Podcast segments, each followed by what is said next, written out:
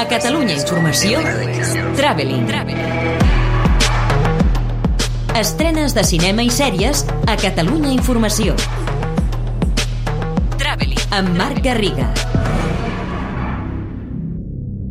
A ser el fiscal del juicio más importante de la historia argentina. Arriba als cinemes una de les millors pel·lícules de l'any, Argentina 1985. És una pel·lícula clàssica per explicar una història emocionant que hauria de conèixer tothom, el judici a les juntes militars argentines. És a dir, el judici a la dictadura, Videla, Macera i companyia i es fa des del punt de vista del fiscal que va portar l'acusació, superant tota mena d'obstacles que aquí interpreta, no podia ser de cap altra manera, Ricardo Darín. Si bien es cierto está hablando de un hecho del pasado, reciente, tiene connotaciones y resonancia en nuestra actualidad, pero en todas partes del mundo. Pero básicamente está mirando hacia adelante, está mirando a las generaciones nuevas, a los que tienen que tener muy en claro, a través de los ejemplos y no de los discursos, la importancia de recuperar la dignidad, de saber que no hay que bajar los brazos, de que hay que mirar para adelante con libertad, pero con justicia y con la verdad. Un film necessari, emotiu, revelador. Darín conforma un fiscal estracera esplèndid, un heroi nacional dubitatiu primer, després determinat, amb un gran sentit de l'humor que a la pel·lícula li escau de meravella. És obligatori veure-la. ¿Quién eres? Soy Laura.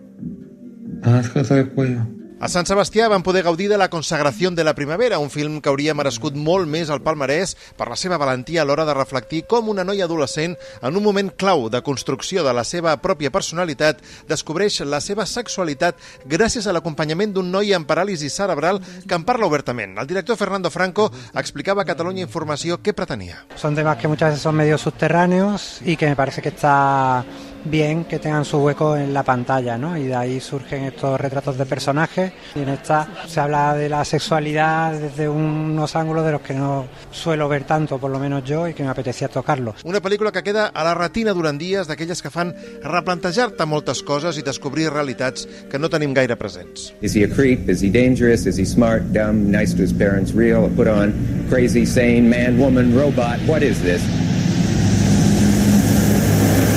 Completen la cartellera el meravellós documental sobre David Bowie, Moonage Daydream, un exemple de com fusionar forma i fons, una delícia per als fans i una parada necessària per qui encara no conegui la genialitat de l'autor de Ziggy Stardust. The Innocents, un conte de terror fantàstic noruec sobre uns nens amb superpoders que els utilitzen d'una forma més fosca del que podríem esperar només al seu barri, és una petita joia que es va estrenar al Festival de Sitges de l'any passat.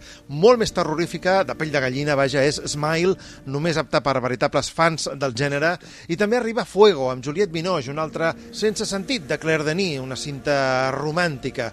Una d'intriga, La xica salvaje, irregular, Objetos, un thriller amb Álvaro Morte, el professor de la Casa de Papel, i el documental sobre Oswald, el falsificador, un personatge irresistible que també es pot veure des de divendres 30 al vespre a Filmin. I tres cintes en català, Cors Valents, un drama en plena Segona Guerra Mundial, però això sí, amb nens protagonistes, i aquesta sí, per al públic infantil, dues d'animació, El nen dofí i La barca del vent, la Noa i altres contes. I banish thee from Salem forever. A les plataformes tornen les bruixes d'Ocus Pocus, un clàssic dels 90, és a dir, Winifred, Sarah i Mary, o el que és el mateix, Betty Midler, Sarah Jessica Parker i Kathy Najimy, en una seqüela, 29 anys després, que ha convençut a mitges. Qui també torna és eh, Peter Farrelly, el director que es va endur l'Oscar amb Green Book, que estrena a Apple TV+, Jo me encargo de la cerveza, una comèdia basada en fets reals, la història d'un home que va portar cervesa al front a la guerra del Vietnam, on hi havia els seus amics del barri, protagonitzada per Zac Efron, Russell Crowe i Bill Murray. I Amazon Prime arriba una comèdia juvenil amb aires de nostàlgia dels 80,